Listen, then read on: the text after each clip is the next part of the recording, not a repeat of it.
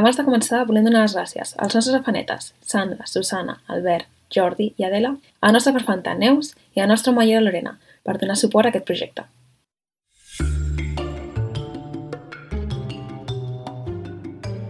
Benvinguts a Malandre Criminal, el podcast on comentem documentals de crims de la manera més cutre possible, perquè no sabem fer-ho millor. Jo sóc la Carla. Jo sóc la Marta. Jo sóc la Clara. Re que tenim una super bona notícia que volíem compartir a l'episodi, que ja ho hem compartit per Instagram, però és igual, us ho repetim perquè segur que hi ha algú que no ho ha vist, o mm, perquè som una mica pesades també. I ens fa molta il·lusió i volem que vingui molta gent. Pesades, ho hem dit una vegada per xarxa. Bueno, espera't perquè encara no he acabat. Ah, bueno, bueno. Abans de que comenci l'episodi us volem comentar que aquest cap de setmana, el cap de setmana del 1 i 2 d'octubre, Yes. Mm. estarem a, al Festival de Cinema i Literatura Negra Vilassar de Noir. Que el nom em sembla fantàstic. És increïble. O sigui, és el millor nom de festival que he sentit Sí. en la vida. Sí, perquè igual com podeu sospitar és a Vilassar de Mar Molt aquest cap de setmana. bé. Yay! Yay. Ens pilla només com a una hora i mitja, però no passa res. Però hi serem, i serem el dissabte dia 1 a les 4 de la tarda. Mm, no sé exactament on, no sé si tot es fa al mateix lloc o no, però el flyer d'ells diu carrer Montserrat, de Vilassar de Mar, Uh -huh. a l'Espai Cultural Can Visa. I què estarem fent, Marta? Explica-ho, perquè no ho has Què dit. estarem fent? No estarem allà de convidades. Mm, Bueno, més o menys. Bueno, bé, més o menys. Estarem a les 4 de la tarda fent un episodi en directe. Uh! Uh, uh, no sé com anirà la cosa, no... A mi no m'han sé. assegurat... Bueno, segurament malament, perquè en plan, vull dir... Però la part bona és que el farem amb el Jacint. Uau, el Jacint Casademont, que molts segurament coneixeu ja de xarxes. Probablement el coneixeu Twitch. més que nosaltres. I, Probablement, doncs això, farem un episodi superxulo amb ell. sí. I això. El tema ja se sap, perquè el tema ja estava anunciat. Uh, Sí. Serà sobre la mort de uh, JFK. Uh, Uh. uh, Que, òbviament, tenim moltes coses a dir al respecte. Sí. I res, que si us animeu, estarem allà, podeu venir, Si no teniu plans, veniu. I si teniu Sí. plans, doncs els cancel·leu i veniu. i si no podeu venir, es retransmetirà en directe per YouTube. Yay! Que això crec que la. Carla no ho sabia. No! Molt bé, fantàstic! Super! No m'han gravat mai mentre faig el podcast. Serà una No, no, experiència. No, a mi tampoc. Però eh, si aneu a la web de Vilassar de Noir, N-O-I-R, trobareu tota la informació, trobareu el programa. Idiomes, querida. Yes. trobareu el programa. I suposo que trobareu el link a la pàgina de YouTube de, del Esperem. festival. Esperem. Uh, igual encara no sortim al programa, no ho sé si ho han arribat a canviar o no, perquè som una edició d'últim moment. Sí, és veritat. Suposo que... Som, som una mica convidades de segon plat. Però no passa res. Escolta'm, nosaltres ens acoplem el que faci falta. Clar, a cap i a la fi, convidades. Doncs Ah, res. no, espera't, que hem de dir que vindrà la Tura Soler. Bueno, al nostre programa no, però No. en plan... però en Al general, festival. Al cap al de festival. setmana. Serà Sí, vull dir, però no només ella, eh? Vull dir, hi ha molta gent. Sí, molta gent, però és de l'única que me'n recordo ara mateix. O sigui que Sí. la dic amb ella. Molta gent, molta gent, escriptors, periodistes, etc etc. I, I no sé, no sé què pintem nosaltres allà, però allà estem. I que si ens veieu, saludeu-nos. Perquè, Clar, clar, si veniu, aviseu i igual si us farem reconeixem... un meet and greet. Farem un meet and greet. Uh, si esteu per allà, sí, i, i res, estaria guai que vinguéssiu a veure'ns, perquè com Sí. estiguem soles Tenim- a l'auditori amb el Jacint, una Vull dir, que trist, però guai. bueno, no passa res perquè vindrà a veure el Jacint. Llavors sí, ja és veritat, quedarà. és veritat, hi haurà gent que anirà només a veure el Jacint. Um, Doncs això, que veniu, ens saludeu i ja està, i ja teniu plan per aquest cap de setmana. si no, no us preocupeu, perquè si us interessa el tema, uh, en principi, a menys que algú surti malament, en principi l'episodi quedarà gravat i el podrem penjar més endavant. No sé quan, Uf, però més això endavant. és suposar molt, eh? Però es pot intentar. Però en principi, a mi m'han assegurat que tot l'equipament per poder gravar-ho i endur-nos a casa està allà. O sigui que Uh, cap problema. molt bé. Doncs això, que vingueu. Sí, veniu. Només volíem dir-vos això i ara ja doncs, tornem a l'episodi Seguim. tal com estava programat. Yay! Marta, parla. Marta, què, què, què, què, què? vas aconseguir entrades pel Harry Styles? Oh, i tant! Vale, guai. Quin drama. Nosaltres també. Jo pensava que no, que no les aconseguiríeu, eh, Marta? En plan, estava patint molt perquè, bueno, la nostra amiga tenia com 5.000 números abans que jo i vosaltres teníeu com bastants més després de mi. I Sí, jo sí. pensava... Mm, Bueno, és que, de fet, Ho veia fotut. mm, jo no les vaig aconseguir. Però és que una amiga meva estava... Mentre treballava, estic aquí exposant una mica a la gent, però estaven a l'oficina, ella, el seu jefe i, amb- i tal, intentant aconseguir entrades per la filla del jefe. Estaven tota l'oficina intentant agafar Uau. entrades pel Harry Styles. I el jefe va aconseguir agafar entrades per la seva filla i ja que estava allà la meva amiga em va dir em queden super poques persones, vols que te les agafi jo? I li vaig dir, sí, sisplau. I a més, es veu que va haver-hi com un problema perquè a la preventa van vendre com el 90% de les... O sigui, van posar a la venda el És que- 90% de les entrades. Llavors, clar, la gent que va anar al dia de venda normal, No n'hi havia. òbviament ja no, ja no va Però aconseguir segon. res. Quina borrada he pagat per aquest senyor.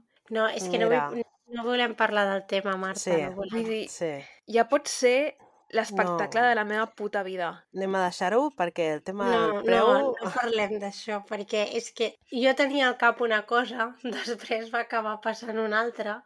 Esteu a pista? i- Sí, Sí, jo no volia anar a pista. Tu vas, Clara? Sí, Perquè... Jo vaig agradar. Perquè jo vaig dir, passo de pista, jo vaig agradar. Sí, és que quan vaig comprar les de Coldplay ja els vaig dir jo vaig a grada, passo de fer cua, no em dóna la gana, ja tinc una edat. I vam comprar grada, cap problema.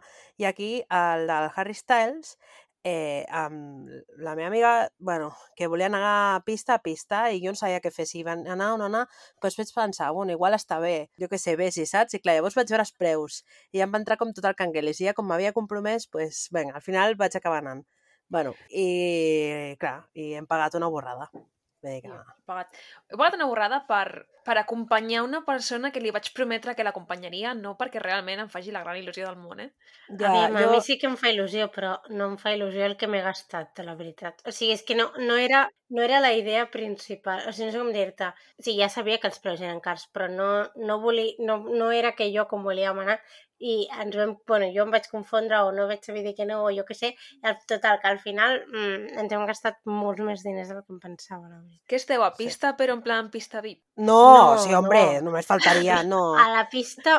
no Dos. Al, a la 2, vale. Jo, O sigui, jo com vaig dir, clar, jo vaig mig. parlar i vaig dir, jo és que, aviam, la, a, molt endavant no puc anar perquè ja m'he gastat molts diners amb el concert del Coldplay i tal, no sé què. Llavors em van dir, vale, vale, però clar, no va arribar el missatge, no sé què va passar, que al final estem com, com més endavant del que jo volia, O sigui, o del que el jo vale, pensava vale que anàvem. no em vull gastar-me tants diners, es va entendre com no vull anar al VIP. Clar. Saps? I jo, bueno, és que el VIP no m'havia ni, vamos, no m'havia ni passat pel cap, no sé com dir-te. Hem acabat a... O sigui, la pista més barata no, la següent. Mm. Jo estic a grada... Crec que estic a la grada penúltima més barata i m'he gastat com 100, 120... O sigui, m'he gastat molts diners. Sí, I estic a la grada... I al lateral, eh, vam aconseguir, perquè clar, tu entraves i era en plan, què No vols? podies triar. Mm, Clar, mm, aquesta grada, doncs Sí. són aquests seients. O en plan, Sí. i era en plan, bueno... I, Sí. I clar, és com que decideix tallar perquè van passant el- l'estona, en plan, Sí. van, saps? I va ser plan, bueno, és whatever. que feia molt de temps que no comprava entrades per concerts d'aquest tipus. No, i que les han pujat moltíssim. Sí, no, una, una borrada. Dir... És una borrada. És bueno, jo vaig pagar borrada. molts diners, eh, quan vam anar a One Direction. també Però és el que, el que parlàvem l'altre dia, que abans tu anaves, o sigui, et compraves una entrada a pista i els primers que ven allà és que feien cua, no? Tu anaves allà a les 6 Sí. de matí a fer cua i estaves els primers. Ara per estar davant, o sigui, has de deixar-te 200 o 300 euros en una entrada, però aquests cabrons, què es pensen? Ja. Mm. És que, bueno, en Sí. fi, que al final també has de pensar que, mira, que fa molt, molt de temps que no vas a concerts, saps? Per tot el tema del Covid i tal, i dius, bueno, va, que va ser una de les meves raons a dir, vinga, va, per Ja, sortir però és una que jo, mica no, vull dir, jo pensava que no voldries venir, eh? però bueno. Sí, a veure, és que a mi... Per això no et vaig dir res en cap moment, perquè vaig pensar, "Pff, no voldrà venir. El que és el Harry Styles, doncs, bueno, vull dir, normal. Eh, ni fu ni fa, però bueno, és igual. Bueno, gent, si aneu En al fi. concert de Harry Styles d'aquí un any, Saludeu-nos. Estarem per Ah, allà. unes estrenapistes, jo estaré a grada, mm, no sé, igual, Sí. On podem- estigueu, igual ens trobem. igual ens trobem i... Igual després ens podem juntar i anar a prendre alguna cosa, no? Sí, estaria guai. No sé quin... No sé si serà molt tard o així, però estaria guai. Oh, és veritat, a més a més és entre setmana, és que... Jo, és que veu, és que estem fetes unes abueles, veus? Si estem pensant lo tard que serà. No, I després que hi haurà, setmana. en plan, per algun motiu que algú no podrà anar, ja veuràs, és que m'estic veient. Jo haig de demanar, hauré de demanar festa a la feina. És que, Mm, vull dir, és un cristo tot, però bueno, no passa res. en fi. Perquè ens hem de fer grans, eh? Demà hauríem de començar... Ah, no, no, que no estem... Res. Hauríem d'estar al col·le ara mateix, fent, jo què sé, quart de l'ESO. o alguna cosa. I estem Oh, aquí Quart de l'ESO. treballant. Ojalà, eh? Jo no Aquesta torno, eh? època en la que ets suficientment gran com per fer coses i sortir i a concerts, però no ets suficientment gran com per tenir responsabilitats reals. I t'ho financien els pares, saps? Ah, sí. Ara és sí, en plan, tu has de financiar tu i a sobre has de treballar. I bueno. I en fi. Ah, guarda eso. Bueno, Clara. Doncs què? Sí. He dit Clara, eh? espera't. Sí. Sí. Ah, és que m'has respost tu, Carla. No he dit, bueno, doncs què? Però ha Ah, vale. just quan has dit en plan, Clara. Bueno, veus, avui enllacem tot aquest tema Mm. en què avui el Dia Mundial té alguna de sentit, no? Que és el Dia Mundial del Corazón. Oh. Llavors, jo us pregunto, quines coses us fan al cor més tubet? Més tuet. Més tubet, sí. Coses que dieu, ai, Has sudat de la meva cara, eh? Jo et dic una cosa. Com més passen els anys, més bleda em torno. Vull dir, Hòstia, Marta, pues, qui ho diria, eh? jo he de dir que també. horrorós. Pues imagina't, si ara tens aquesta opinió de mi, imagina't fa, en plan, 10 anys. Sí. Saps? Vull dir, i cada vegada... Jo m'ho noto, eh, que em torno més pàmfila, tio. Jo no plorava en pel·lis i sèries i merdes. I ara ploro en post d'Instagram, saps? O sigui... Jo he plorat tot el matí. Avui tot el matí plorant. Vale? Tot el matí plorant per la mateixa cosa en bucle. O sigui, lamentable. Però per què ploraves? Per què? Bueno, doncs perquè ahir va haver el concert de Foo Fighters, no sé si ho heu vist, Ah, Ah, sí. que era el tribut al, que- al, al de la bateria que es va morir, i no sé si ho has vist, Marta, el vídeo de, El fill. del, del fill tocant la bateria amb la cançó Mm. de, de My Hero.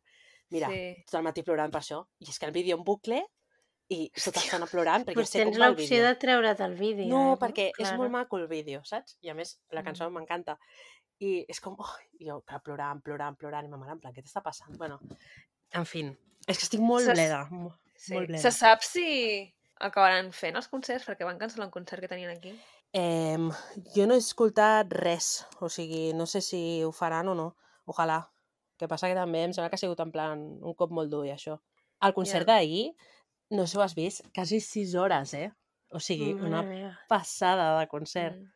Joder, però bueno. Doncs pues res, mirem aquest vídeo plorant tot el dia. I us haig de dir que se'm fa tubet al cor cada vegada que veig un gosset pel carrer. No sé si Sí. us passa. Però això passa Sí. a, molta gent.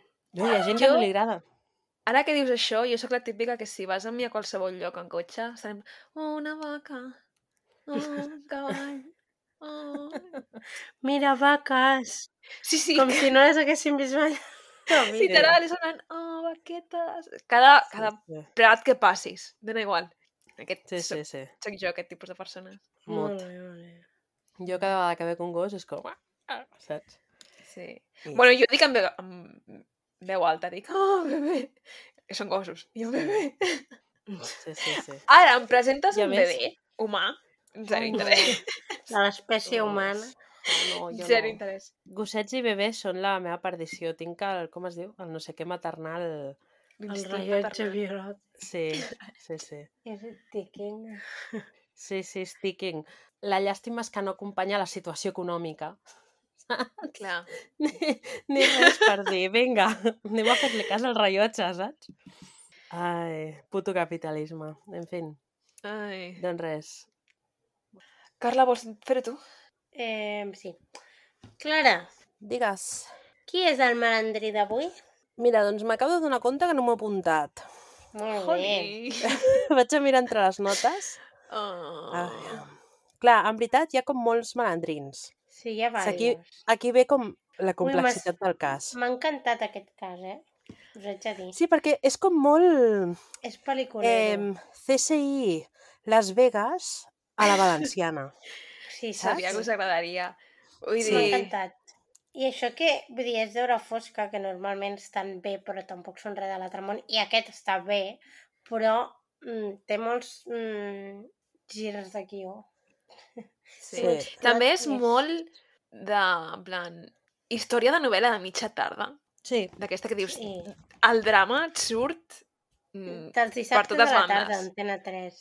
Tota la Sí, vull dir, aquesta història em podria ser... No sé, És, és De peli, telenovel·la de peli de la sí, Uno. la pel·li de la- oi? sí. Però ja et dic a l'espanyola. Sí, sí, però dir- vull dir... Bueno, tenim un que és... O sigui, hi ha diferents malandrins, diguem. Un és un tal Isauro, no?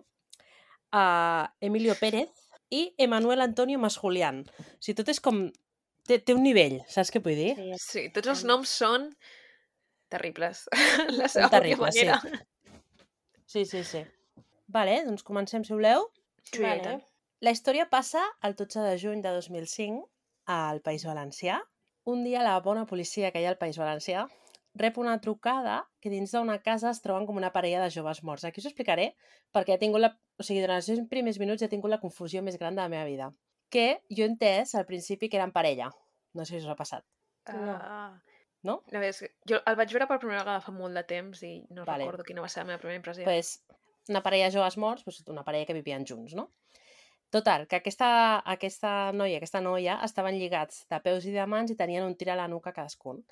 I són la Jane- Yanelis Valero i Juan Manuel Mata, que són de 23 i 26 anys. I us demano perdó perquè tot el que és la família d'ella tenen noms extremadament estranys i m'ha costat el meu sí, eh, era difícil. apuntar-los. Vale. Total, això ha passat a Calig, que no sabem on és, però jo entès que era com un poblet que hi ha al costat de Vinaròs, no? De? Mm. la que estaven tot l'episodi dient Vinaroz. I Vinaròs, sí, perquè, bueno, són així. Són Mm. així. Perquè són guàrdies civils. Tot l'episodi en castellà, aquestes cosetes que passen al País Valencià, Sí. no? Només el narrador parlava en català. Sí, sí. El que li paga punt, bàsicament. Sí. bàsicament. Total, que d'aquests dos, el, el Juan Manuel Mata és com molt conegut al poble, la seva família portava molts anys vivint allà, i és paleta, i en canvi ella acabava d'arribar al poble i treballava en una immobiliària. En el seu cas vivia com amb la seva germana, que m'he apuntat el nom per algun lloc, que sortirà després, vivien les dues, tenien una hipoteca, havien, havien comprat com una mena de xalet aquests de... Els típics xalets que es fan d'obra barata de, de platja. Pues un Mm. d'aquests. Total, que la Guàrdia Civil diu esto me encargo jo, perquè, claro, aquí ha passat algú greu que jo puc solucionar, no? I el primer que veuen és que no, no es nota com que hi hagués cap robatori aparent, sinó que directament han anat i han executat a, a aquests dos, no? Execució perquè, òbviament, tenen les mans lligades i tenen un, tre un tret al cap. Llavors, Home, és ja la, conclusió evident. final. Sí, aquí ha habido una execució. Que és el que repeteixen des del primer moment. Molt bé. Sí. Bueno, no és mentida. No, no, sí, sí, és que de fet ho sembla així, tal qual, tal qual expliquen com, com és la situació tot això està molt clar des del primer moment. Mm. Total, que comencen com a investigar per la casa i es troben que al bany hi ha uns fragments d'una corda per estendre la roba, que ho ha dit com molt obvi, tipus, sí, la corda d'estendre la roba. I jo tota l'estona pensant, quina corda és aquesta? No sé. Corda d'estendre la roba. Sí. Bueno, jo tinc una corda d'estendre la roba. Però no era Però- com la que sortia en el vídeo. És que la corda d'estendre la roba de casa meva és un cable. Clar, Bueno, és que... Sí, no, també, però no No és és el que, no és el que sortia en el Sí, documental. nosaltres també tenim cable. I o la, la, corda... representació està malament o... No, la, la corda era com, com una corda d'escalador. Sí. Sí, que sí que hi ha cases, eh, que tenen cordes. Sí, sí. Uh, o, per exemple, els pisos, que tenen les cordes aquestes típiques verdes, però són Sí. com cordes bueno, com el si fossin això, eh? de plàstic, però són cordes. Sí. Igual és El més meu això. és més això. Sí, sí. Mm. Bueno, els, a les imatges que ens ensenyaven era corda d'escalador, allò. No hi havia d'una altra volta. Clar, també, a veure, la reconstrucció doncs, es, pot, es fa el que pot. Sí, No? no, sí, Es sí. fa el que es pot. sí. I una cosa curiosa que es troben és que a les finestres hi ha com restes de cendra que dona la sensació com si les persones haguessin estat dins de la casa abans que arribessin aquests dos i haguessin estat mirant no? i controlant, fent guàrdia, diguem, Mm. per, per veure quan arribessin i clar, anaven com llançant la cendra als, a les, com es diuen, les lleixes no? Del, Sí. de la finestra. Fa gràcia que estàs... Entres a casa d'algú per esperar per matar-lo, però tens la decència d'obrir la finestra i fumar al costat de la finestra. Sí, perquè a dins, clar. a dins no es, no es fuma. Sí, a sí. dins. sí. Llavors, passant l'autòpsia, i el que veuen és que el- l'home el mata, no el mata, sinó Juan Mata, o sigui, de cognom Mata, vale? no ho he fet a propòsit, ho sento, eh, tenia el cos com ple de ferides perquè, o sigui, es donava com la sensació que s'hagués resistit, no? I que hagués lluitat. I, i llavors, per la manera com té les ferides i tot això, pensen que ha de ser dos assaltants perquè al final era un noi que era molt jove, tenia 23 anys, tenia força perquè també treballava de paleta i retenia una persona així, doncs hagués estat potser impossible, no? Llavors compten que a mínim ha d'haver dos assaltants i ell té una mort com bastant violenta en el sentit que s'acaba morint ofegat per la seva pròpia sang. Bastant poètic. Sí. En canvi, ella ha mort directament a, a, a l'instant quan, quan rep el tir a la nuca.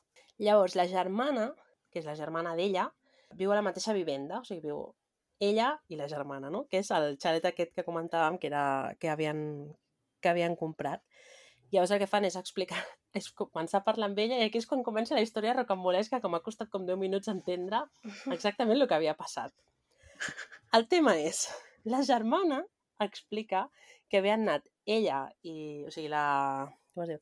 La Ialenis i ella de festa a Vinaròs. Vale. Allà a Vinaròs es troben amb uns nois que estan com de comiat de solter. En aquest grup de nois de comiat de solter hi ha el Juan Mata i el seu amic. Llavors, sí, que estranyíssim. Es coneixen, no sé què, parlant tota la nit i tal, i al final elles decideixen marxar a casa i ells es queden de festa. Fins aquí tot bé. Què passa? Que llavors agafen el cotxe i les germanes comencen com a discutir i es foten una llesca. S'estampen, vale? Què passa? Que se n'estampen... que Pensava tenen- que deies que s'havien fotut una hòstia en plan l'una a l'altra i dic, però per això com ho han dit? No, no, no, que mentre estan així discutint, a les 3 del matí, pam, no veuen, bueno, es foten una isca.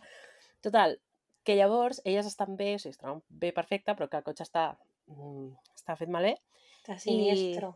Clar, quan van a trucar al, diguem, a la grua per recuperar el cotxe, tot això a les 3 del matí, val? i em puc imaginar l'estat de les dues tornant de festa. Però bueno, Sí. es donen compte que no tenen la documentació del cotxe que la tenen a, a casa, llavors clar, no hi ha l'assegurança ni res. Llavors què fan? Truquen els nois aquests. Que acaben Va. de conèixer. Els nois aquests que acaben de conèixer, eh, que és el Juan Mata i l'amic. I ells diuen, no, no us preocupeu, ara venim i us salvem, no? Total, que llavors Home, els, els esperen. òbviament. Sí. I els esperen i, bueno, i arriben ells dos. Què fan? Decideixen que la germana i l'amic es quedin dins del cotxe a esperar la grua i la, i la Yanelis i el Juan Mata vagin a casa per trucar a la grua i agafar tots els papers de, de l'accident doncs, per, poder, per poder justificar-ho a l'asseguradora i tal. I és quan arriben a casa que es troben aquests assaltants i ja no s'ha pres més d'ells. O sigui, el pobre Juan Mata és un, és un desgraciat. O Que ni sigui, pinxa ni corta, pobre. Con- Conclusió, O no sigui- eren nòvios. no eren No. nòvios, o sigui, m'ha costat 5 minuts entendre que no eren nòvios i després he pensat, hòstia, pobre xaval, que va fer una bona obra i el maten. No A sobre- res a veure. El pobre noi. Va a casa d'ella només per ajudar. No, no, clar, clar, pobre, En si és un desgraciat, un pobre Sí, desgraciat. sí, sí, la veritat és que sí. Llavors surt una, una entrevista de la mare dient es que mi hijo era muy bueno, es que no tenía que haber ido a ayudar a nadie, ha ido, no sé què. I he pensat, hòstia, pues realment, quina... O sigui, pobra, Quina mala pobra pata. família i Sí. I pobre noi, sí, sí. Total. Què passa? Que al final, clar, us poseu-vos a la situació, la germana i l'amic, que no es coneixien de res, allà esperant, esperant, no arriba ningú, no arriba ningú, clar, al final diuen, a veure, això què passa, no? No contesten al telèfon ni res, llavors, la germana que es diu Jairet, o Jairet, no entès molt bé, jo m'he apuntat aquí, Jairet. Jairet, doncs la Jairet i el Luis, que és l'amic del Juan Mata, eh, paren a un bus i van a la casa a veure què passa, i clar, quan arriben a casa es troben... No paren a un bus? Com que no? No, no paren un bus, no? Que sí, Sí. passa un bus i el paren i Jo pugen. pensava que, para, que paraven en plan algú random. O No, cotxe. no, van amb el bus, amb la guapa, amb el bus municipal. És que, dic, uf, hem de que fer autostop a València aquella època, ja s'ha de tenir collons, sí. eh? Tot No, això, no. En realitat, és molt tràgic i no ens hauríem d'estar rient. Però és No, que... no ens hauríem però d'estar que- rient, però és que Em- No sé, és que em fa gràcia la Clara. el cas en si és bastant rocam- rocambolès, vull dir. Sí, de encara prendre no hem començat amb lo bo. No, sí, sí. Ja. Bueno, això és bastant bo, sota el meu parer, eh? Dir, Sí, T'estan però passant a- cotxe... Aquestes alçades no portes ni un quart de documental i és en plan, han passat moltes coses. Sí. Total. bueno, doncs això, clar, arriben a la casa i es troben doncs, la situació que d- hauria de ser molt desagradable i aquí entra el drama del policia, del guàrdia civil que entrevisten tota l'estona, que diu... Que "Es una aquest ja ha sortit abans, no? Sí, no se les olvidará en la vida. Bueno, és que les a, a València marcado quatre guàrdies civils sempre són els mateixos. Sí, sí, ja, sí. ja. Sí, sí. Total, que aquí m'he apuntat que el 16 de juny els enterren, que és una dada molt interessant eh, i que aporta moltíssim a, A la tots dos. Sí, a ell l'enterren a, al poble i a ella a un altre lloc, a Benicarló, que no hi ha ningú, només la germana que està allà tirada en plan Ja, que l'ataúd, fa molta molt pena, eh, això, aquest, molt aquesta imatge, perquè a, a ell va com tot el poble, no? Sí. Vinaròs, crec, no? I, Sí. I a ella no... Bueno, clar, perquè no deu conèixer tanta gent ni res. Clar, per Fun què? fact. Perquè... Digues. Veràs. L'avi de la meva mare era de Vinaròs. Mira, Veus? veus? Igual, igual ets família del Juan Mata, Igual. A Llonyunyana. No sabrem mai. Ojo, eh? Cuidao. Marta has perdut un familiar i ni ho saps. I ni ho No saps. sabia. I aquí t'està Sincerament, el 2005 tenia 10 anys, o sigui que no... Igualment no hagués registrat. Total, de... Però a mi que- sí que, una cosa, a mi sí Què? que em confon el fet de que visquin a Cal... Càlig, és? Sí, Ca- ca- I... Però l'enterren a Vinaròs? No, a Vinaròs no, a Benicarló. No, Sí, a ella. Per què no l'enterren no, a... Sí, sí, a ella, per què no l'enterren a Càlig, que és on viu? Jo, això m'ha quedat una mica en plan... Perquè no diu que fan com vida... Aquí- Benicarló, no sé. aquí inventant-me inventant la història totalment. Igual és perquè estava empadronada a Benicarló. Ah, igual. Perquè ells havien... O sigui, elles, ara després ho explicarem, Ah, ah, sí. s'acabaven de mudar de, a, De a aquesta casa Ah. i normalment quan per experiència pel meu avi, que quan es va morir el volíem enterrar en un altre lloc i va ser molt difícil, bueno, que normalment t'enterren on estàs, diguem, Empadronat. o tens un domicili, això. Mira, no sabia això. Mm. Mm. Sí, sí. Curiós. Però no sé, igual ha sigut perquè els hi venia de gust, eh? Vull dir, jo aquí m'estic inventant la història totalment. Però No, bueno, No, però té sentit. La donarem com a Mm. vàlida. vinga, a tope. Total, que clar, quan veus aquesta imatge que veus com tota la, fam tota la família, tot el poble, a l'enterrament d'un i a l'altre només està la germana, et preguntes, ostres, hi ha algú estrany, no? Què passa? Llavors ens expliquen que la Yanelis venia de Cuba i que havia tingut una vida molt dura, no? Perquè la seva família era molt pobra i va començar a exercir la prostitució inclús de menor. O sigui, feia mol molts anys, perquè la noia tenia 26 anys, però feia Mm. com moltíssims anys que, que exercia la prostitució allà a Cuba.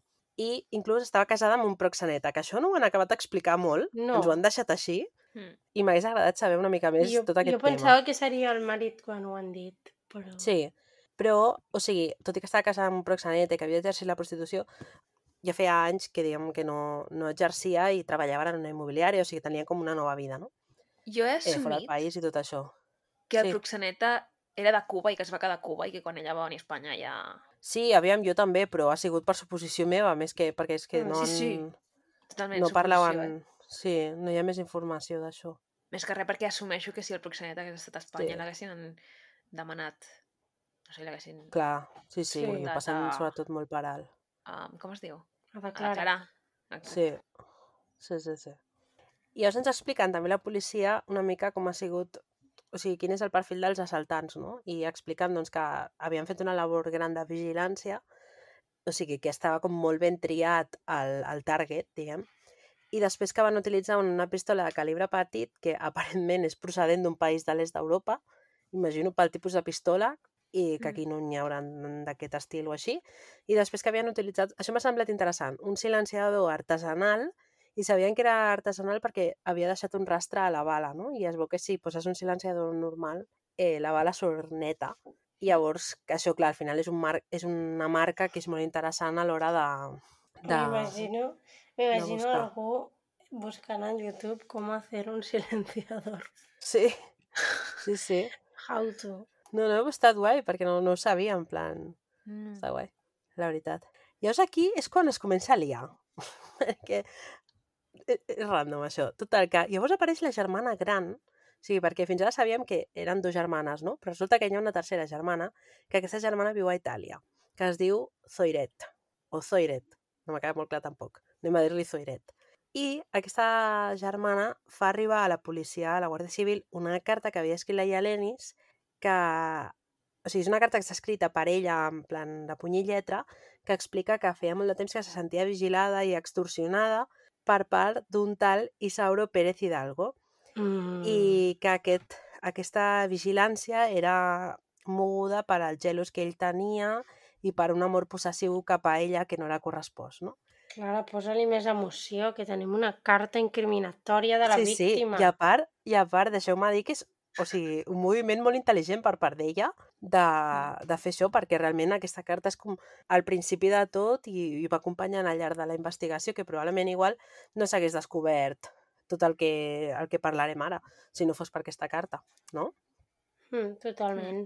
És que Mm. sense la carta no crec que haguessin tingut gaire res a fer. Mm -hmm. Sí, sí, totalment. I aquí és quan comença el tema, perquè dius, hòsties, qui és aquest tal Isauro Pérez Hidalgo? I el meu cap ha anat en plan, vale, és el proxenet amb el que estava casada, no?, que havíem parlat abans. Mm.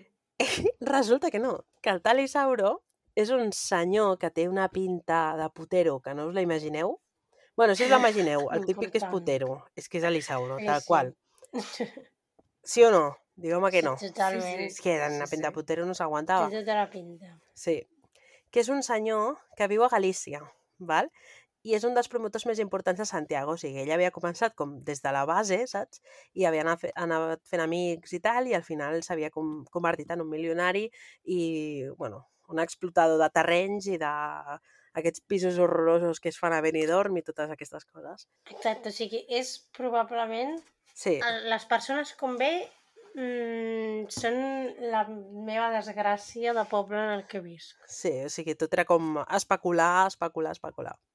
I aquí és quan ve la dada més, més random i important que jo crec que tindrem en aquest podcast en els dos anys o un any que estem fent això, que és que el 93 es fa molt amic del Julio Iglesias. Vale? No, és que és meravellós. Llavors el Julio Iglesias li diu, mira, construïm unes cases al Caribe que necessito, no? Total, que va allà al Carib, perquè aquest senyor, o sigui, ens expliquen que era el típic senyor de bien, saps? De... Recte, Del, sí, de la família, superestricta. tradicional... Aquí, en el moment del Julio Iglesias, va ser el moment que vaig parar el documental i vaig dir aquest l'ha de fer la Clara. Sí, sí, no, No, és meravellós. que, és a que m'ha més, encantat. Vull dir, penseu que si al Julio Iglesias no li hagués demanat que anés al Carib, res d'això hauria passat. Clar, Vull dir, no hauria mm. passat. D'aquí O és sigui, culpa. que el malandrí és el Julio Iglesias. No, no, Exacte, clar, és que totalment. Clar. és molt Vull fort, dir, ja això. tenim títol, malandrí Julio Iglesias. Julio Això és molt fort, això. Julio Iglesias. Saps la cançó de Soy un Totalment. truán, soy un senyor? Cuidao, Pues, que igual pues, aquí... Cuidado que és una confessió, eh? No, no, vagi la ojo. policia i la Ojo, eh? Ojo, Ai, ja tens títol. Sí. Ja tens títol, Marta. La veritat és que cada vegada que sento lo del soy un un senyor, l'únic que puc pensar és el tricicle. Sí, Sí. jo també. Bueno, Fascinant. Jo també. uf. És que, que i, I a més és que en quin moment hauríeu pensat mai que en aquest podcast parlaríem De de la Julio família Iglesias. Iglesias? No, no, és que clar, ja veiem. Ojo, Ah, mai. ojo. Total, que... Gràcies, hora fosca, por tanto. O sigui, ell passa, diguem, de la vida d'espanyol de bien Mm. a la disbauxa màxima al conèixer el Julio Iglesias. Llavors, quan arriba al Carib, literalment, diuen, perd el cap, no? Comença a estar amb moltes dones i, bueno, a viure, el, a viure la vida. Llavors és en aquella època que coneix a la Ialenis, que en aquell moment era menor i exercia la prostitució per als barris on, on es movia aquest senyor. O sigui, ja es podeu Vaja, imaginar vaja. us podeu imaginar el primer delicte. Mm. Total, que quan la Ialenis fa 18 anys, a l'Isauro la decideix portar a Espanya i van a viure a Benicarló perquè en aquell moment hi havia com molta demanda de, de construcció de vivendes per tot el tema aquest que hem parlat, no? de l'explotació de les costes i això. I, i, I aquí us he posat, viu com un capo de la màfia, perquè és així una mica com ens el fan, ens el fan pensar, no? En Bueno, plan- és que té pinta de capo Sí. de la màfia una mica, eh? i vivint a, a, a tot drap, eh, a comprar un vaixell, eh, bueno, és una vida molt de luxe i, i tothom que, es feia com molt respectar no? entre, entre altres persones. Total, que arribem a 2004 i aquí és quan la relació entra una mica en crisi entre, entre ells dos, perquè ell ens expliquen doncs, que era com molt possessiu. M'ha fet gràcia perquè defineixen la relació com una relació de violència de gènere, no? De que no hi havia... Era una relació com molt tòxica i ell decideix portar-li la família a Espanya perquè estigui contenta i no... i bueno, deixi de donar passar, suposo. I aquí és quan porta la germana, que és la germana que viu amb ella a, a la casa. Ah, vaja, resulta que t'has endut una noia de Cuba a la qual vas començar a tenir relacions sexuals amb ella quan era una menor, t'has endut a un altre país completament diferent, Sí. estàs sola i està trista! Vaja. Sí, sí. Mm, Oh, vaja. Què hauria de dir? eh? Sí, sí. L'ha separat de tot el que coneix Mm. sí. i ara està trista. Sí, sí, total. No se podia saber. En fi, que què passa? Que aconsegueix una mica l'efecte contrari, no? Que com ella té una persona ara que coneix, que té molta confiança i això, doncs a poc a poc va agafant com més valentia, es va sentint més ella per poder-se anar desvinculant de- d'ell i de la- d'aquesta relació que és molt tòxica. I llavors, clar, ens trobem de que comencen a viure una vida com una noia de 20 i pocs anys allà a la ciutat i pues, comencen a fer amics, a, no sé, a, a mantenir relacions, tot això, a sortir de festa i tal, i allà coneix doncs, a nois que són de la seva edat, no? I aquí és com molt heavy perquè llavors l'Isauro aquest, quan s'entera que està anant amb altres nois o amb altres amics i això, comença a enviar-los com missatges de text i trucades amenaçant-los de que els hi farà alguna cosa si no deixen de parlar-li, tot això. El qual és com molt heavy, perquè el senyor està com 100%... No, li, literalment a li sobre d'ella. tallar els collons. Sí, sí, Mm, o sigui, és el ma- millor. amenaces bastant violentes i que estan documentades a la, a la policia perquè, òbviament, algun d'aquests nois doncs, va, ho va denunciar, no? Que no ho enteneu, I- que és ell la víctima, és l'Issaur Sí. la víctima, perquè ella és molt dolenta i està Sí, fent-li sí, cas a nois de la seva edat en comptes d'un senyor Clar. de 50. Un Clar, senyor que està podria ser sortint de festa pare. els xavals. Sí, sí, Un senyor que ha abusat d'ella més d'una vegada. sí. Clar, I a quan me- era menor, Sí, ja... a més sí, a més. sí, sí. Vull dir, anem a dir-ho, un pedòfil uh, sí. Un putero, que- un putero. Sí, un putero pedòfil que mm, resulta que ara s'emprenya perquè la persona en la que es pensa que ha comprat uh, vol sortir de festa amb gent de la seva edat. I Sí. ja no té complexa de Rapunzel. Eh? Exacto. Clar. Tal qual. Vull dir, Tal que qual podia això. sortir malament. Sí, sí, sí. És bastant fastigós tot el tema, la veritat. Sí, sí, sí. Si ens ho prenem a conya No, per, per no dir Per sí, no plorar. altres coses. Exacte. Bàsicament. És que expliquen fins i tot que ell li havia comprat com uns telèfons i dins d'aquest telèfon tenia posat com uns programes on, a part de que la seguia on anava i tal, li tenia controlada com totes les converses, Una cosa els molt avançat, tot. no? Aquest senyor pel Sí, sí, El o sigui, el 2005. senyor, Era un el hacker, senyor se gastó los dineros per controlar-li la BlackBerry. eh? Sí, sí. No, Hi no. havia BlackBerry el Exacte. 2005? Ja. No Oh, i sé. no? No sé, però no faltaria molt si no, si no hi era perquè hi hagués Blackberries, eh? Perquè Jo ma crec... mare- Bueno, igual no. em va tenir, jo crec que, no sé, devia tenir... I jo era Teníem No, jo petita. 13 o crec que era 14 més anys gran, quan els eh? Blackberries. Sí. Teníem 13 Jo o crec 14 que era anys més gran. nosaltres. Hauria de ser més Sí. tard. Jo vaig tenir Blackberry, heredada. Jo no. Uh, jo no vaig arribar a tenir Sí, mai sí. Blackberry. No. Ah, Sí, Jo vaig tenir un mòbil que imitava una Blackberry, Aquí Sí. cada un. Jo tenia... però al final va sortir bastant bé el tema, Sí. eh? Saps aquests mòbils que eren a lo Zoe... Um, Sí, com era? Zoe sí, sí, 100, sí, Zoe 100 no sé 101. què. això, que pujaven cap amunt i sortia el teclat de sota. Sí. Però no era una sí. BlackBerry, eren en plan... La tingut posa... un. Era com una consola, era com una... Sí. un- Sí. Sí. Saps? Marta, Jo i tenia tu te'n recordes? I us en recordeu dels Motorolas, aquells que s'obrien així, en plan... Tenia una bisagra i era de color rosa, de diferents Sí. colors, us en recordeu? Òbvio. Eren guapíssims aquells, jo sempre els havia volgut, mai em vaig Jo n'havia tingut un de groc, Mhm. perquè Doncs no, no BlackBerry. recordo quin model és, però espera, a veure, vaig obrir el calaix que tinc aquí, de mòbils antics. Jo vaig tenir això, un telèfon que imitava una Blackberry, eh, perquè no em volien comprar una Blackberry. Sí, doncs jo els heredava de ma mare. Quan a ma mare li canviaven a la feina, l'antic, anava per mi. I així. Ah, mira, doncs no, Llavors ja vaig passar a iPhone i la resta és història. Un el iPhone groc 4S. no el tinc, però tinc un mòbil No, 5S. Vodafone que tenia... És d'aquests de... d'aquest... De... Tapa. de tapa, sí, però la tapa de dalt sortien lletres i missatges i podies ficar coses, saps? Bueno, Oh, uau. sí. Uau. També tinc Sí, un sí. MP4 que l'he fet seguir la puta vida. Ah, En plan, Jo Tu te'n recordes dels els iPods, però que la gent s'hi ficava pel·lícules dins? I era una pantalleta... sí. plan, és, és diminuta, però és similar allò. A l'iPod no Nano. Res. Te'n recordes No, de l'iPod Nano, Nano- que anava... Sí, però l'iPod Nano no tenia pantalla. Jo en tenia un d'aquells, només hi havia la No, música. sí. No, no. A l'iPod que anava que tenia una rodeta i a dalt tenia una mini pantalla que hi havia molts colors. Que jo me'n recordo que em Sí, posava, No gaire, eh, em posava episodis de Hannah Montana allà. I vídeos de, de High School Musical. Mm, jo tenia aquests que eren un quadrat, que anaven com amb un clip que te'l podies enganxar a roba. Sí. I no Però tenia ni pantalla ni res. petitó. Jo tenia aquest, jo tenia Sí. aquest. La bona vida, eh? I Però això després seria com els... 2000, mínim 2010, Sí, però no Sí, molt més, no? no? I després hi havia aquells iPods, no sé si te'n recordes, que eren més grans, que eren de color gris, que valien una pasta, Sí, que són els Que- primers, que tenien una pantalla una mica més gran, no? i, i que eren molt guapos, que cabien moltíssimes cançons, Mm. que era com molt inaccessible quan, a, a sisè de primària, saps? I en primera d'ESO, en plan... Sí, no? primer de l'ESO, que en plan, una persona Sí. de tota la classe tenia un iPod d'aquests. Sí. Sí. Sí, sí. Però jo I era, en plan, jo tinc- l'iPod. Un calaix amb dos o tres iPods, que dius, "Pf, Sí. no serveix per res. Sí. Vale, doncs seguim. Estàvem amb que monitoritzava les converses de BlackBerry. Vale. Sí.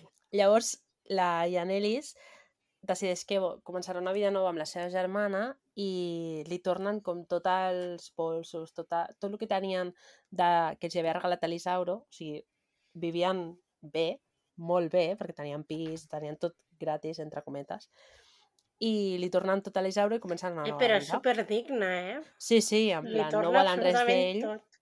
Sí, Mm. sí, i li torna tot. Llavors, en aquell moment, com hi havia tot aquest boom immobiliari, comencen a treballar en una immobiliària i compren la vivenda que és en la, en la que he mort per començar aquesta nova vida, no? I decideix trencar la relació totalment amb l'Isauro, no parlar-li més ni res, i ell, òbviament, doncs, no pot suportar i aquí quan comença com tota la, la jarana. Mm. Llavors, dins de tot això, deu dies després, l'Isauro diu ui, potser que vagi a declarar voluntàriament per una mica desvincular-me de tota aquesta història perquè pot ser que m'esquitxi, no? La Clar, idea en en veritat- principi era bona. Ja et fa ser com crec. molt culpable perquè la policia diu, què fas aquí? En plan, per què vols declarar, no? Si no t'hem cridat No, però jo ho res. veig bé, perquè vull dir, tu saps que tard o d'hora et vindran a, a, et trobaran. O sigui, trobaran la relació amb tu. Ja, però sabia lo de la carta? Jo crec que no sabia No, no sabia, no. No, però jo crec que s'ho pot imaginar que tard o Sí. d'hora d'alguna manera li, li arribarà. Llavors, pues, si tu vas de primeres, pues, ja estàs com, no sé, en disposició de, de col·laborar. Sí, però Ja, ja però dius, una cosa és que col·labores quan et... Clar, una cosa és que col·labores quan et cridin, però que et presentis en plan, hola, Ja, no sé, segur, estic, tota la, estic bastant segura que això és algun advocat d'aquests que tenia que li ha dit. No, no, vés a declarar perquè és que...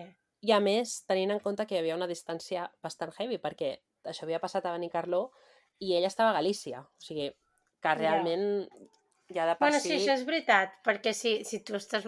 Vull dir, tens molta coartada de dir, no, jo és que estava a Galícia. Sí, sí, Saps? sí. En plan, o sigui, literalment només dient estava a Galícia. Clar, o sigui, ell va a Galícia a declarar, saps? Que és com el poli... M'imagino el policia a Galícia en plan, ¿qué coño me está contando este que viene aquí ahora a molestarme quan és la hora de comer, saps? I, Sí. i haver-se de posar d'acord amb el Guàrdia Civil de Benicarló, bueno, pot- un drama, és que ja m'ho puc imaginar. Total, ell, diguem, òbviament es desvincula de- d'ella, no? I explica que ell es considera com el seu mecenes, no? I que la tracta com, una, com si fos una de les seves filles. Lo típic de, és que vaig fer un viatge a Cuba i vaig veure aquesta nena, pobra, no? Que estava al carrer sense res i vaig decidir com Mm. adoptar-la, entre cometes. No me la vaig tirar en cap moment. Sí, No. per res, per res hi ha una vinculació sexual amb la meva relació amb la Daenerys. Simplement és de la meva gràcia no? i el meu cor eh, que, que faig això, no? Sí, i aquí és quan entra la frase que més ràbia m'ha fet en tot l'episodi, que quan li ensenyen lo de la carta, ell diu que, que aquesta carta no l'ha escrit la Daenerys perquè ella Ah. no tenia cultura suficient per escriure una carta així. Mira, Au, va. És com... És que donava una hòstia que, que de bestieso, sí, sí. Fa una a més que és una ràbia. carta que, és, que està com certificada sota notari, no? No sé què. Sí. I tampoc fa falta que l'hagi escrit ella, no sé com dir-te. És que va xorrada Mm. de comentari. No, no, ell, pues, ell Ja. diu que no perquè, clar, no té suficient cultura com per haver escrit això. Ugh. En fi, va, molta ràbia. És que aquesta frase ha sigut com... "Uah", Saps? Mm. I a més, passa una cosa estranya perquè el dia del crim, justament curiositat, casualitats aquestes de la vida que passen una vegada, ell decideix fer un dinar amb tots els seus amics, coneguts i tal, i llavors, clar, té la quartada perfecta, no? Al final estava en un dinar familiar amb amics i tot, a no sé quin lloc de Galícia, per distància i per tot és impossible que jo hagi pogut cometre aquest crim. Llavors la policia que diu, vale, és probable que aquest sigui l'autor, diguem, intel·lectual del crim, però òbviament no el podrem caçar perquè té molts mitjans econòmics i ho té com la quartada molt ben muntada. El que hem de fer és com tirar, tirar, tirar, no? buscar la persona que materialment ha fet el crim i anar estirant el fil fins poder trobar la connexió amb el, amb el capo, que és l'Isauro. Que és en plan, uau, superintel·ligent, congrats, saps? Mm. En fi. Llavors aquí passa una cosa que també m'ha agradat molt, que és que comencen, com hi havia aquestes restes de, restes de cendra que havíem parlat abans, clar, si hi ha restes de cendra vol dir que han fumat, on estan aquestes borilles, no? I acaben trobant les borilles dins de les tuberies de l'aigua. O sigui, havien llançat, les havien llançat per al de la dutxa. I amb aquestes borilles extreuen un perfil genètic que és d'un home, però és com desconegut, no? El que passa que sí que els surt que tenen una, una coincidència de base de dades en una tentativa d'homicidi d'aquella zona. Què es va passar? Doncs que es va cometre un robatori a una fàbrica, però no van arribar a trobar el culpable, no? Però dins d'aquest robatori, en l'escena del, del crim, entre cometes, perquè al final no, van, no va matar ningú, troben doncs, el, el, una altra borilla i té aquest mateix perfil genètic. Que ja és casualitat, també. Eh? Sí, Mm. Doncs no troben, diguem, el culpable d'això, però en, aquell, en aquella fàbrica hi havia com un guàrdia de seguretat, no?, que eh, rep, o sigui, es queda ferit perquè rep un, un, un disparo, no? El, oi que sí que diuen que, hi- que Un té com una ferida de bala. Sí, com es diu? Un tret, Un no? tret. Sí, doncs el, Ups. això, el catanyol, el bon catanyol. Doncs rep un, un tret, però no, no es mor, i pot explicar una mica què va passar aquell dia, no? I els crida molt l'atenció perquè ell declara de que està segur que el lladre coneixia molt bé on, ha, on havia de robar perquè havia anat com a llocs molt concrets on hi havia doncs, la caixa forta, saps? Que no, no havia remenat ni res, directament havia anat als llocs.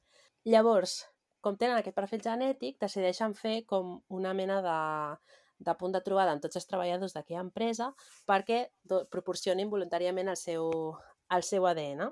Els treballadors van, fan les mostres d'ADN i, de cop, un dels treballadors, que es diu Emilio Pérez, deixa la feina sobtadament, sense donar explicació i desapareix a la faç de la Terra.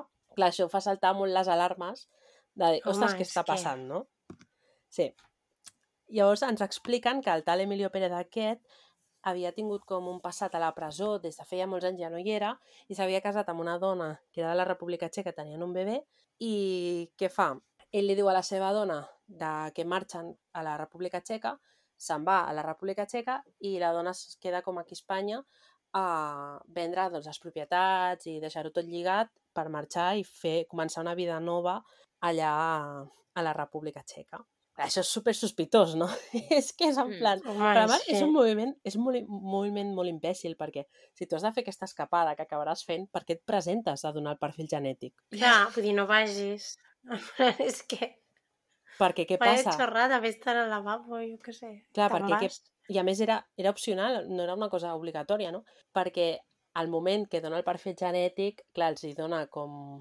Eh, em surt en anglès els hi dona que coincideix, no? que és el seu perfil Sí. genètic, tant en l'escena del crim com en el tema aquest de l'empresa, i ja tenen com l'excusa per fer una ordre internacional de búsqueda i captura i anar-lo a buscar a on sigui, no? República que- Txeca o on estigui. És- S'ha de ser burro, eh? Clar, si hagués marxat abans... No, és que només que no el vagi, ja està. Vull dir, Ja. només que no vagi donar la seva... Clar, no hagués anat, i encara que hagués sigut, sigut l'últim que haguessis pogut sospitar, òbviament, ja estaries a la República Txeca i ja seria com molt més difícil doncs, eh, tenir jurisdicció no? per, per fer una investigació mm. tot això. Vull dir, és, una, és un, no sé, una cosa molt estranya. Total, que llavors, a l'octubre del 2006, que acaba passant? Que envien una ordre de búsqueda i captura i el 2006, a l'octubre, el detenen a la República Txeca. Se l'enduen a Castelló i ell explica que no, no, que ell és impossible que hagi, eh, hi hagi perfil genètic en aquella escena del crim perquè ell va estar tota la nit a casa i no, no va sortir. Llavors agafen i analitzen els moviments bancaris de l'Emilio Pérez i es troben doncs, que hi ha com uns increments en els seus ingressos. No? I ell explica doncs, que això és donat a que va cobrar una herència i també d'uns estalvis que tenia a casa doncs, que va decidir posar-los al, al banc. El qual també és una cosa molt inútil, perquè és en plan, si, si fas alguna activitat il·legal, cobren negre? O sigui, per què ho poses al banc? Quin Ja. No, i que, a més que lo de l'herència és una cosa tan fàcil de saber si és veritat o no és veritat. Perquè tu has, com reps una herència que hi ha com tota una sèrie de papers que tu has de has d'omplir i coses que has de pagar. És un... Però també podria ser lo típic dels avis que tenen diners amagats sota el matalàs, que quan Però es és moren, igual, això... tu, tu reparteixis. Però- I això no entra dintre del, la, dels papers No no, que sé tu jo, puguis eh? signar. Tu quedes i ja està, per no pagar impostos. No, clar, això, això no. A tot arreu es fa, vull dir, no, no és cap Mm. secret. Però, clar, què passa? Que van a preguntar als germans i a la família d'ell i els germans diuen, què herencia, saps? ¿Dónde coño cobra este que también quiero? Clar, Llavors, que a més els germans, literalment, clar, triguen zero segons a dir no. Sí, sí, sí. Total, que ell ens expliquen que durant tot el procés de... que l'interroguen i, bueno, i realment tot el procés fins que, fins que acaba tot el seu tema, no parla mai de ni, ni dona noms ni res del que ha passat, o sigui, es manté totalment amb la seva postura i molt, molt silenciós, no? No és el cas de la dona, perquè què passa? Que llavors detenen a la seva dona Oh, i boníssima. la seva dona se senta davant de la comissaria i diu, ha llegado mi momento, ¿no? Eh, contar la verdad para seguir viva. I en un moment li desmunta la quarta del marit i l'implica directament. O No, sigui, és que a diu, més pam, li, li, surt del nabo completament. Ella Sí, va i sí. diu... Hold my Coca-Cola. És que no només diu en plan ha fet coses rares, sinó que diu com va tornar, quina hora, què va fer Sí, amb la sí. roba que portava, o sigui, Portava la roba, la va cremar, o sigui... no es deixa ni un detall. Sí, sí, sí. Deurien estar com igual a dos segons de divorciar-se, eh? perquè això explicar-ho tot així. Sí. Home, és que Jo sincerament... suposo... Um, Digues. com seria el senyor, doncs, Ja. normal que Ja. ja. s'hagués divorciat. No, i també, també al final és com tens un bebè, saps? Ja, Que, Ja, que l'has de protegir. clar, clar. sí. No podeu anar els dos a presó. Què passa amb el Clar, bebè? Clar, Clar, clar, sí. Sí, sí. I la dona diu, jo no he hecho nada. Es Ha sido este. Ha sido este. en pau. Sí, sí, sí. Total, que explica que, que també és com molt ok. Però jo sóc molt fan dels motes que té la gent i dels àlies i aquestes coses que es posen. Perquè ella diu, mira, els diners aquests de l'herència no són una herència. Li dona el gordo. Que el gordo és la persona que va contractar el meu marit. I llavors diem, quin, quin assos és el gordo, no? Perquè jo aquí he pensat, el, el gordo és l'Isauro. Per què? Jo també. Me Madiro. Sí, sí. Vull dir, si haguessin dit el gordo o el calvo, podies dir l'Isauro. Aquest és l'Isauro, no? Totalment. Però resulta que no, que el gordo és l'Emanuel Antonio Masjulian, Masjuliana. Nom de pacient de gavilanes, eh? Sí, sí, sí, sí, total. Aquest senyor tenia un gimnàs a Castelló, o sigui, et pots imaginar el perfil del senyor. Tenia un passat delictiu per tràfic de drogues i, bueno, i di- diversos temes fora de la legalitat. Havia estat molt de temps a la presó i havia coincidit amb l'Emilio Pérez al, a la presó. Llavors ja tens aquí una connexió delictiva entre, entre els dos, no? Llavors, arriba el judici de l'Emilio Pérez i presenten, o sigui, la prova com a estrella és la borilla aquesta de, de que havien Mm. trobat. Aquí també molt fan, perquè el, o sigui, al final l'advocat d'ell diu que la policia ha posat aquesta prova, no?, per incriminar-lo. És que, aviam, hi ha moltes, moltes investigacions mal fetes, però una que fan bé... No, no, però l'advocat ha dit, per lo que me queda en el convento me cago dentro. O sigui, ha agafat, la policia és Sí, sí. corrupta. Ha sigut la policia.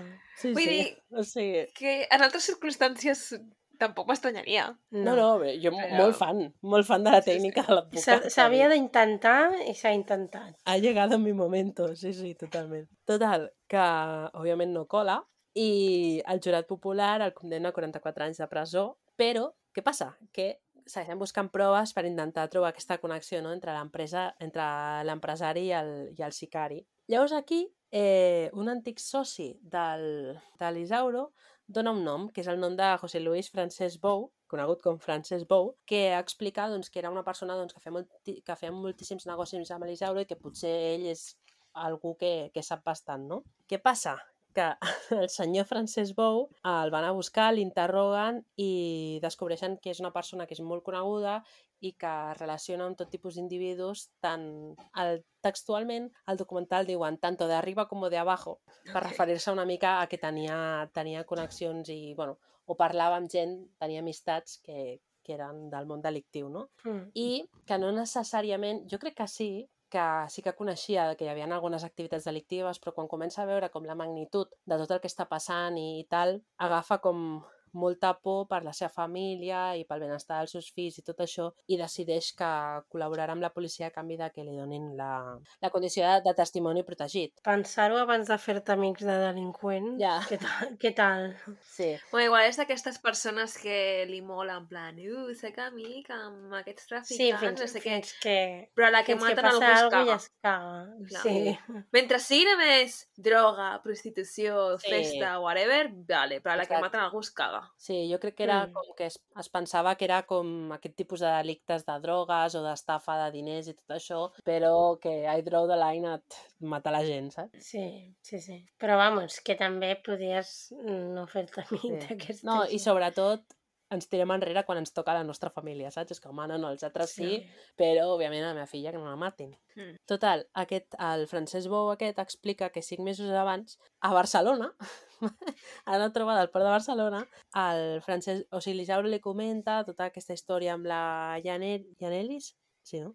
Amb la Janelis, i, i que li volia donar com una mica de escarment en el sentit d'espantar-la una mica, no matar-la, i el Francesc Bou li diu que coneix una persona que és com una mena, un matot de gimnàs, no?, que li pot donar un sustillo.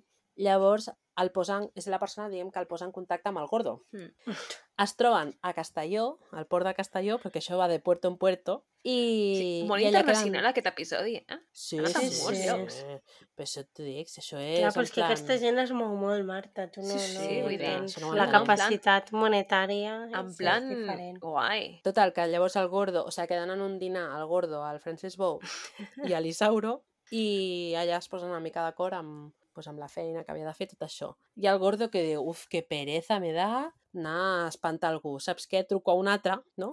Perquè facin el crim i jo no, no embrutar-me les mans. A tot això, l'Isauro utilitza una tàctica que m'ha encantat, que és posar a investigar, a la, o sigui, investigar la vida dels agents de policia que estaven investigant-lo a ell, vale? per intentar doncs, trobar alguna cosa com per poder fer xantatge, no? I aquí És que- és graciosíssim perquè entra el digne del guàrdia civil en plan, yo estoy en la guardia civil porque tengo vocación por la gente, no sé qué enrollato que me pega, claro. que diu, El chaval, no vas a servicio convèncer. público. Tampoc ho comprem. No, en plan, no ens importa ja per començar. Saps? Sí. No, Que ets un desgraciat i l'altre també, no passa res. Sí, Vinga, tothom, endavant. tothom. Sí. Total, fa una investigació als investigadors, el qual m'ha semblat meravellós. O sigui, com, molt bé. Cadascú a lo seu. Sí. Llavors, la policia al final, quan ja veu quan ja troba, diguem, aquesta connexió, estem parlant de l'any 2009, sí, ja han passat uns quants anys, la... decideixen arrestar el Gordo, acusat de ser, diguem, el mediador, no? I al cap de poc arresten a l'Isauro com a conductor, l'ideòleg no, dels assassinats. Què passa? Que també és molt random que es veu i diu, perquè fa gràcia perquè diu, no se sabe cómo, pero hubo un soplo, no?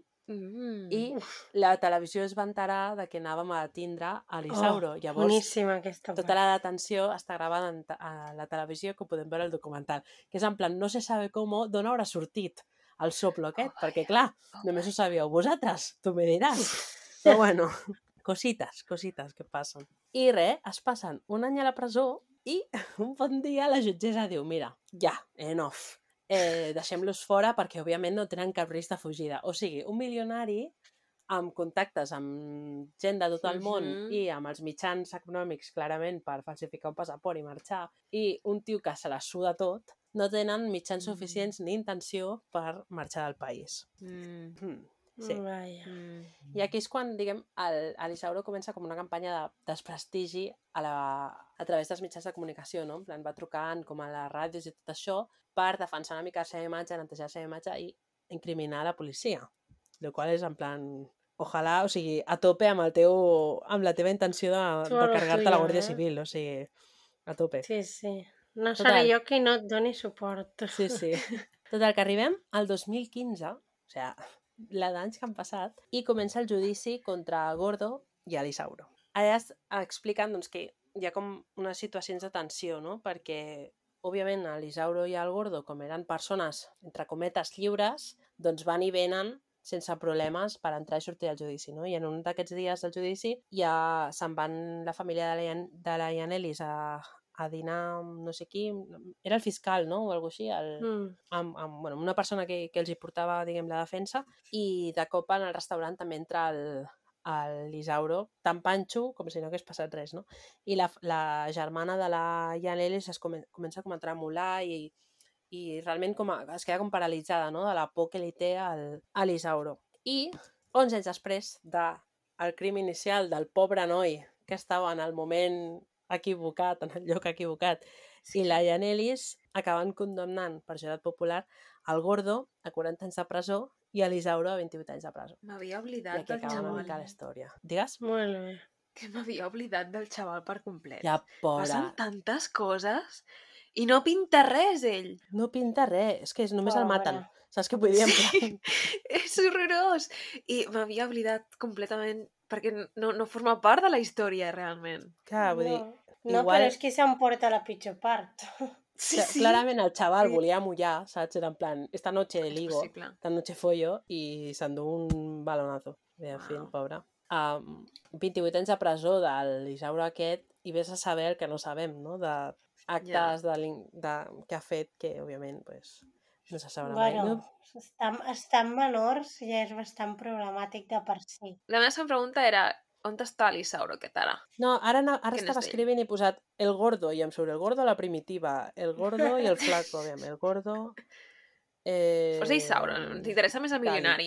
It the rich. Sí, a mi també, la veritat. M'interessava més saber en quina penúria està el He posat- milionari. He posat Que no... el gordo Calic i em surt el gordo i los números premiados en Calic, quasi.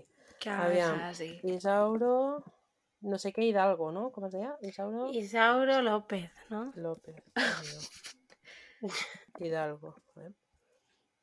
Oh, ojo! Oh! Isauro López sale de permiso, vuelve a Santiago. Això és del, del 2021. Vaja. A ver. La voz de Galicia. Eh, Isauro López sale de permiso, vuelve a Santiago y reitera ante sus amigos que no encargó matar a su examante. Claro, i jo m'ho crec. Sí, sí. Mm, Pues mira, ja surt de permís. pues no, No sé, no és que-. A la que hi ha un milionari pedòfil pel mig, jo assumiré que és el culpable, saps? Vull dir, Sí, sí, sí. no, no tiene más. Literal, eh? és que no fa falta que faci res més. És que para la investigació és un milionari pedòfil, ja està. Vull dir... Ah, ojo, No. ojo, ojo, eh?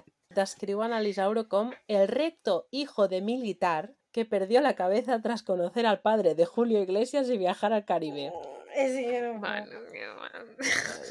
Papuchi, ¿ves? Conoció a Julio Iglesias y a su padre, Papuchi, porque les construyó una mansión. Es que es, que Ai. és increïble. És increïble. Pues sí, sí, encara està a la presó, però aparentment va tenint... Permisos. El Sí. misteriós episodi de malandrí criminal en què apareix la família Iglesias. Sí, sí, sí. A veure, he construït. Realment, què més volíeu? Què més volíeu? Part de la família Iglesias i un milionari pedòfil. No, no, és que és meravellós. A més, totes aquestes Tot coses... posat en la mateixa frase sona increïble. I, I un desgraciat que, que por, el pobre que un mort. pobre desgraciat. A més, aquestes Mira. coses sempre passen a València, no sé si us heu fixat. Sempre. Algú- És, I és que... pam. Què, què hi ha a València? O sigui, què els hi un donen? segon. Què, què posen a les paelles? No entenc. Què dius d'aquestes coses? Aquest cas és únic. És increïble. No, és meravellós, és meravellós. El tema està en que no és que només passin aquestes coses a València, és que això només podia passar a València. Perquè és que Sí, sí, sí. No hi ha res com... no hi ha res igual. Sí, sí, sí, total. És increïble. Penso que si en lloc d'haver-lo fet a l'hora fosca l'hagués fet rotllo crims, això seria com un bon Però. Aquesta Sí. història l'únic que li falta és Rita Barberà. I ja està. I tindries, És que segur, I ja té tot. però, tindries Marta, segur, tot. segur que si rasques, la trobes. Segur. Saps què vull dir? La... Segur que es coneixien amb el, amb el milionari pedòfil. Però és que... És, és... És fascinant aquesta història. Sí. Jo, Ojalà. sincerament. Ojalà una hora fosca explicant què ha passat amb la Rita Barberà, perquè clar, Oh, jo, jo soc de la teoria que... Sí, sí, que aquí hi ha gat encerrau, Ah, no? Sí, sí, sí. Jo també. Però bueno, però bueno. Eh, segur que ja et dic, si rasques una miqueta, la trobes amb contractes ahí d'especulant en sols i aquestes coses. Se- Segur, segur, però... És que té tota la pinta, tota la pinta. A mi no m'ha fiat tot. En fi. Bueno, ha estat guai, en veritat, l'episodi. Te'l prens així una mica en conya perquè és com molt surrealista en parts, Sí. i... però realment... So... Ella, òbviament, perquè té un... ha tingut una vida molt dura, no? Però és que la mala sort d'ell és com... No, és, vamos, per morir-se, pobre noi. Pobre xaval. Mm, També, ella ha tingut una vida molt dura, però just en el moment en què començava a encaminar la seva vida, en què tenia una feina Sí, sí, sí. eh, legal i s'havia comprat Sí, una sí, casa amb la sí. seva germana i Super trist, pobra noia. Sí. és molt trist. Sí, sí, o sigui, al final fa molta pena pels dos, perquè els dos estaven, com aquell diu, començant la vida. Una recomençant, no? I Sí. l'altre noi que, que tenia 23 anys, vull dir, Que és, que tot és, just... No és sé. que és pura mala sort, eh, lo d'aquest noi, vull dir, Sí, sí. horrible. En fi, sí, sí l'emoji totalment. d'aquesta setmana, Carla, crec que hauria de ser un micròfon o alguna cosa en honor a Julio Iglesias. Home, Sí. home, sí. Podria ser el senyor que balla, també, perquè I- és Senyor bastant de. Julio Iglesias. I el Mm. títol de l'episodi ha de tenir la paraula papuchi, jo crec.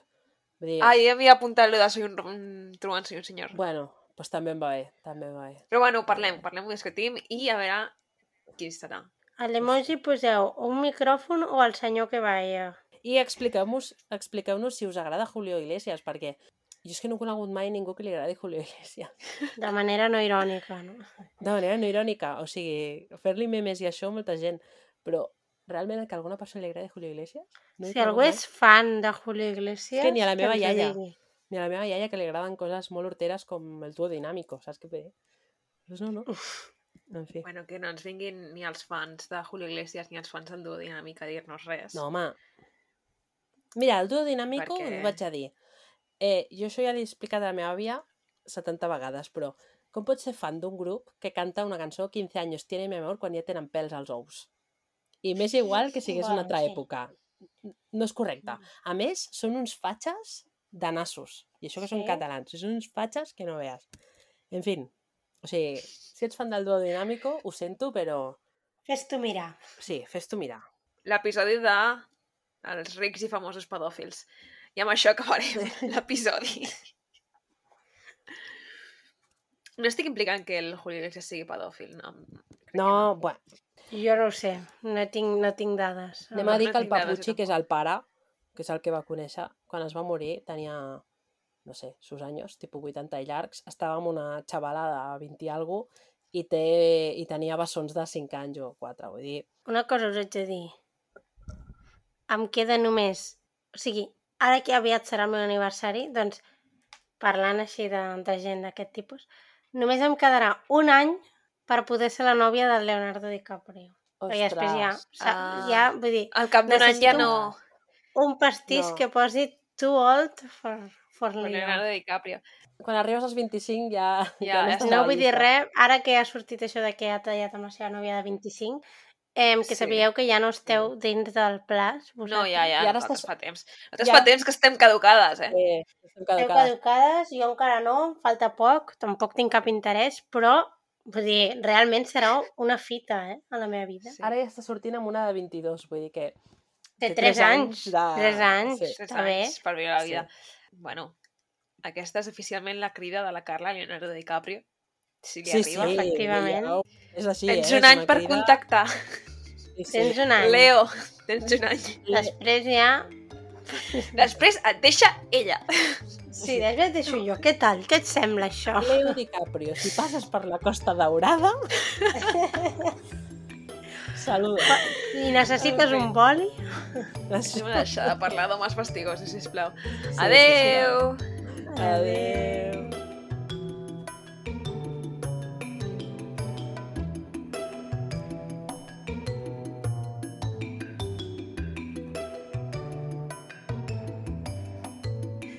Fins aquí el programa d'avui. Si us ha agradat i us heu entretingut, podeu subscriure-us. Ens trobareu a Spotify, Apple Podcast, Google Podcast, iVoox i altres plataformes. Si voleu contingut extra, us podeu fer mecenes o fer una aportació a malandri.aixeta.cat. També ens podeu trobar a Twitter i a Instagram. Gràcies per escoltar-nos. Adéu. Adeu!